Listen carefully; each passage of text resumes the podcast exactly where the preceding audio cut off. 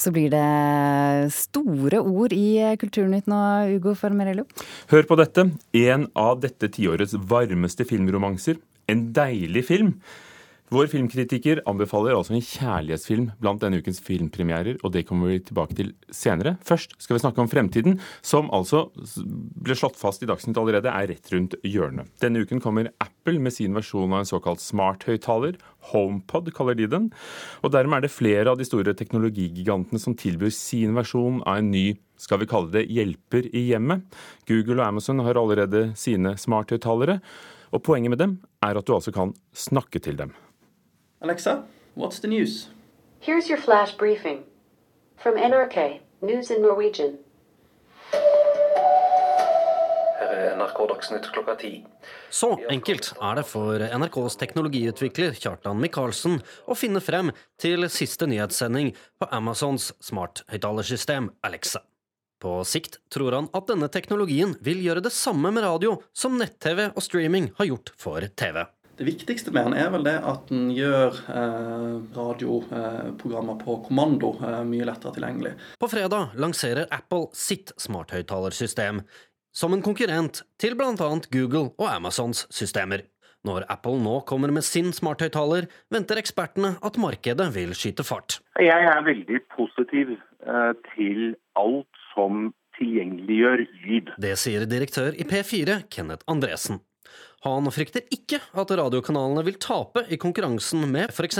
strømmetjenester for musikk eller podkaster, når alt samles og blir tilgjengelig i én og samme boks. Så eh, har vi stort sett sett at radio står seg veldig godt i den type konkurranse, spesielt hvis vi ser på multiromsystemer, som jo er den, hva skal vi si, den forrige bølgen. Og Der også ser vi at bruken eh, i veldig stor grad er radio. Over 60 uh, av tidsbruken på Sonos er på radiolytting. IT-ekspert og kommunikasjonsrådgiver Hans Petter Nygaard Hansen er en av dem som venter spent på smarthøyttalere. Men han tror ikke det blir allemannseie helt med det første. Til det er uh, teknologien for ny, og enn så lenge så har vi jo heller ikke noen norsk støtte, verken fra Apple eller Google eller Amazon. Det han derimot tror, er at internett og radioøkonomien står foran en stor endring med smarthøyttalerne. Hvis jeg begynner å stille spørsmål til Google i, i form av min stemme, og ikke skriver inn et Google-søk, så blir det mindre plass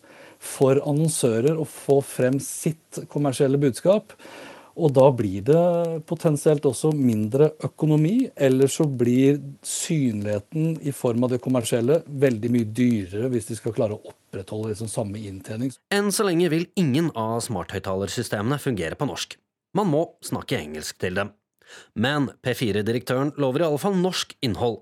Selv om det kan hende de må gjøre om på finansieringsmodellen sin i fremtiden. Skal vi ha kanalene våre på den type høyttalere, så er det nødt til å være en modell som gjør at vi kan finansiere eh, kanalene våre.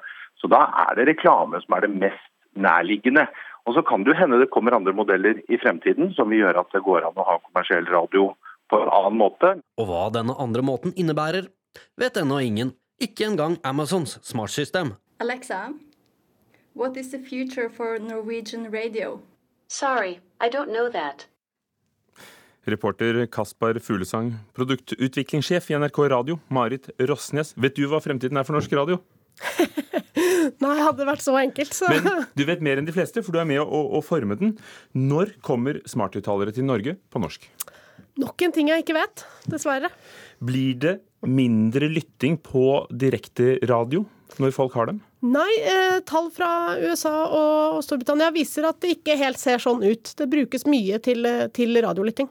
Men hva annet brukes de til? Hvorfor skaffer folk seg smarthøyttalere? Det er nok en kombinasjon av, av å, å, høre på audio og praktiske ting. Eh, det ble nevnt her litt sånn smarthjem-ting med å eh, skru på, styre lyspærer, sette på vekkerklokka. Eh, jeg bruker den mye til sånn sette på hvor lenge pastaen skal koke, alle mulige sånne ting. Men, men, det er nok audio som er den store tidskonsumenten på smarthøyttalerne. Blir det allemannseie? Ikke på 1, 2, 3, tror jeg. 16% av amerikanske husholdninger har en smarthøyttaler i dag. Gartner sier 75% av amerikanske husholdninger innen 2020. Og så vet vi at teknologiopptaket i Norge er ganske raskt. Men som eksperten deres sa i stad her også, det kan nok hende det tar noe tid. Det er nytt og ferskt. Du, du, er da som produktutviklingssjef i NRK Radio med på å forme de tjenestene som kommer bl.a. digitalt i NRK Radio-appen, og, og, pønsker også på hvordan fylle disse høyttalerne når de kommer. Hva blir nytt for lytterne? Jeg tror det nye er nok at det blir lettere å, altså blir enda lettere å høre på radio. Og det er den gode, Der er jeg helt enig med Kenneth i P4. Det er, det er, gode nyheter for folk som er glad i audio, som er glad i radio. Det er lettere å høre på radio. Ja, For det ble Både... vanskeligere da FM ble skrudd av, kan vi si? Ja, nei, den, radioen er radioen har en knapp og er fin. Eh, enda lettere å høre på både direkte radio og også valgbar radio, eh, tror vi nok. Hvordan forholder NRK seg til at uh, dette er på vei på den ene eller andre måten? Eh, vi er eh, glade for alle steder vi kan nå publikum med innholdet vårt. Er vi, og vi er nysgjerrig på det. Og vi vet jo ikke om dette blir svært. Altså Blir det 3D-TV eller blir det smarttelefon? Det vet vi ikke helt. Så det, som, som, NRK så skal vi være forsiktige med å, å sløse med, med lisenspenger og bruke masse ressurser på noe vi ikke vet om kommer til å treffe bredden av norsk publikum. Men, hvis, Men vi er nysgjerrige. Hvis jeg som har en smarthøyttaler spør kan jeg få høre nyhetene, er det da politisk viktig for NRK at det er NRK-nyheter som strømmer ut, og ikke P4 eller TV 2 eller Dag Dagbladet? Vi, vi, må jo være der folk er. Det ligger i oppdraget vårt. Um, og, og, og, men, men, også at det er et mediemangfold der. Det er, det er, ikke noe Så ja, det er viktig at det er NRK som kommer ut? Det er viktig at vi er der folk er, ja.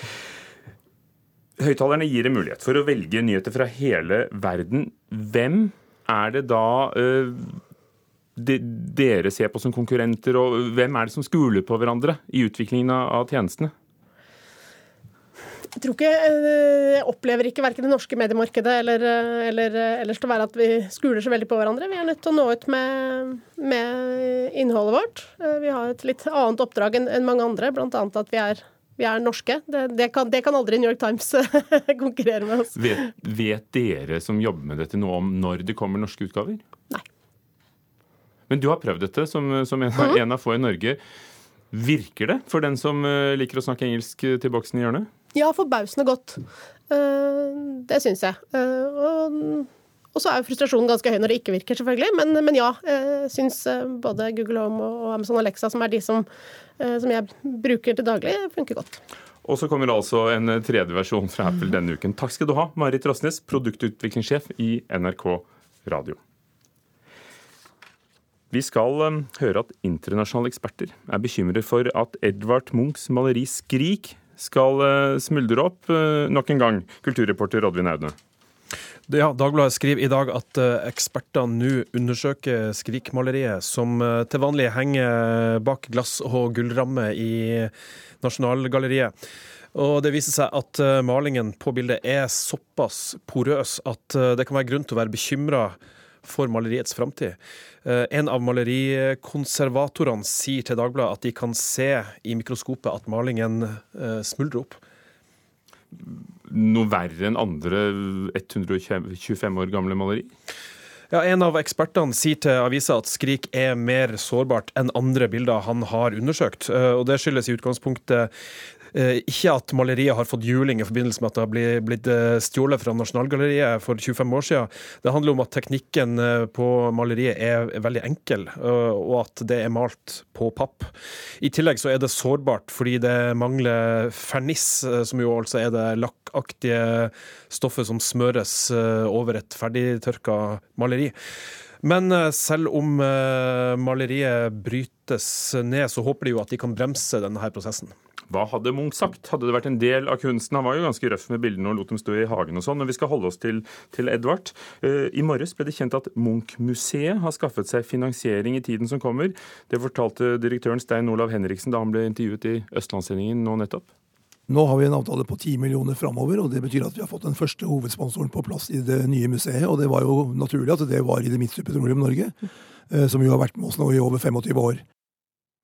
I Dimitsu, det japanske oljeselskapet, det er flere kulturinstitusjoner som klager på at det er vanskelig å få sponsorer i næringslivet, men eh, Munch-museet har også klart det? Ja, som, eh, som, eh, Henriksen sa, så forlenger de nå samarbeidet med, med Idemitsu. Og Det betyr jo at de blir med Munch-museet videre inn i de nye lokalene som åpner i Bjørvika juni 2020, om to og et halvt år. Og det her blir da en, en av de eh, lengstlevende eh, sponsoratene i norsk kulturliv. Det har vart siden 1994, og, de har, eh, og blir da utvida med fem nye år. Uh, og han, Stein Olav Henriksen sier jo at Idemitsu over årene faktisk har lagt igjen over 100 millioner kroner der. Hmm. Det, det, blir penger, det er sånn. Takk skal du ha, Advin Aune.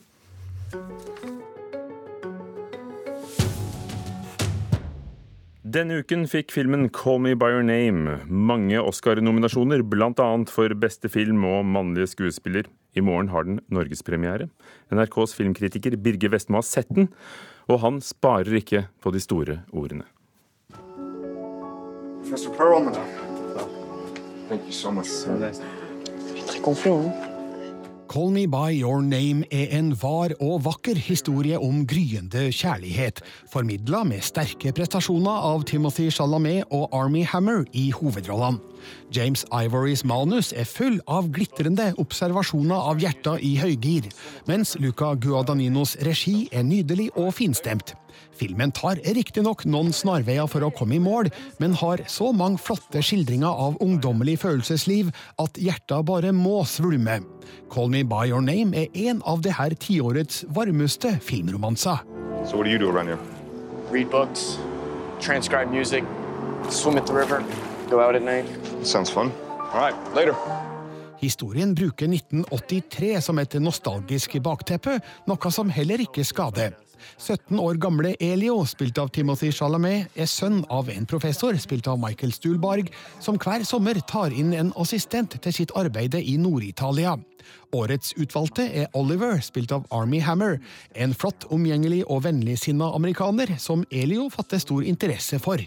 Det oppstår et gryende vennskap mellom dem, som kanskje viser seg å være noe mer. Muscles are firm, not a straight body in these statues, they're all curved. Sometimes impossibly curved, and so nonchalant, hence their ageless ambiguity, as if they're daring you to desire them. Army Hammer gjør sin beste rolle til nå som Oliver, en billedskjønn kjekkas som avdekker dypere lag bak fasaden. Det er imidlertid Timothy Chalamet som imponerer mest i sin store gjennombruddsrolle. Når vi først møter Elio, fremstår han som en litt tam og uinteressert ung mann. Men når vi blir bedre kjent med han, opplever man en rivende utvikling, der figuren virkelig huker seg fast i historien. Samspillet mellom Hammer og Chalamet har mange fine øyeblikk, med rom for all den berusende lykken og forvirrende tvilen man opplever i begynnelsen av noe som kan bli et forhold.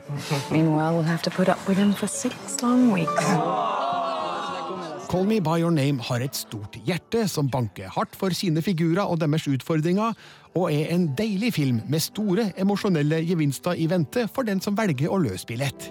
Call me by your name and I'll call you by mine.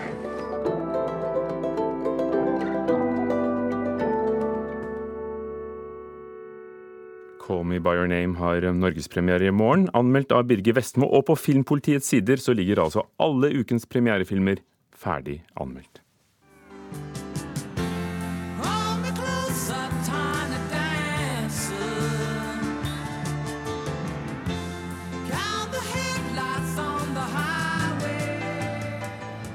Sir Elton, Elton John. Nå er det bekreftet han vil bruke mer tid på familien og skal slutte å turnere. Men eh, han skal ligge ut på en tre år lang avskjedsturné med 300 konserter. Foreløpig har han ikke sagt noe om Norge, men han har jo en tradisjon for å besøke ikke bare Oslo, men Larvik, Hamar, Ålesund og Skien. Så vi regner med det. Ja, Elton John har jo ifølge Forbes en formue på 3,5 milliarder kroner og en inntekt på 500 millioner kroner. Og så har han tre år til på seg da, på å samle opp litt mer. Det var det vi hadde i, i Kulturnytt, men eh, du har en hel halvtime til i The Creed. Ja, det er eh, stor fare for snøskred, stengte fjelloverganger og vanskelige kjøreforhold mange steder i landet nå. Og det blir du oppdatert eh, på om litt. Men først en um, dagsnyttbulleteng med Anders Borgen Werring.